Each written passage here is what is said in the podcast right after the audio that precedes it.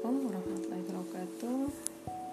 Alhamdulillah min syaitan. Bismillahirrahmanirrahim. Allahumma shalli ala sayyidina Muhammad wa ala ali sayyidina Muhammad. Coba lagi teman-teman.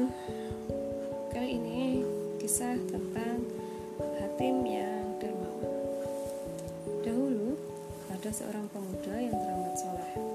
Selain rajin beribadah, hormat kepada orang tua, juga senang Hatim Atoi Meskipun Hatim terkenal saleh dan dermawan Ayahnya tidak demikian Sang ayah adalah orang yang kikir dia sering sangat jengkel jika hati membagi-bagikan harta miliknya kepada orang yang membutuhkan.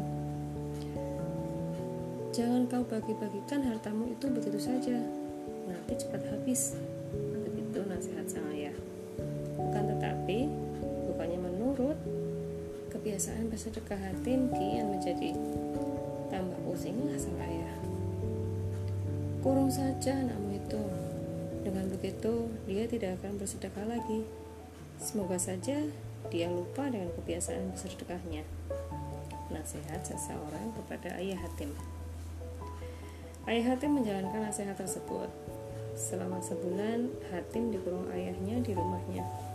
Dia dilarang pergi keluar rumah.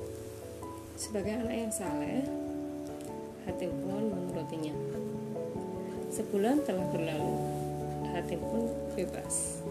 Sang ayah berpikir Hatim telah berubah. Diberinya Hatim 200 ekor unta sebagai modal kerja. Namun Hatim malah membagikan unta-unta tersebut kepada orang yang sangat kekurangan. Hatim pun merasa puas. Mengapa kamu bagi-bagikan unta itu begitu saja? Tanya sang ayah kesal. Rasa lapar telah mendorongku untuk tidak kikir dengan apa yang aku miliki.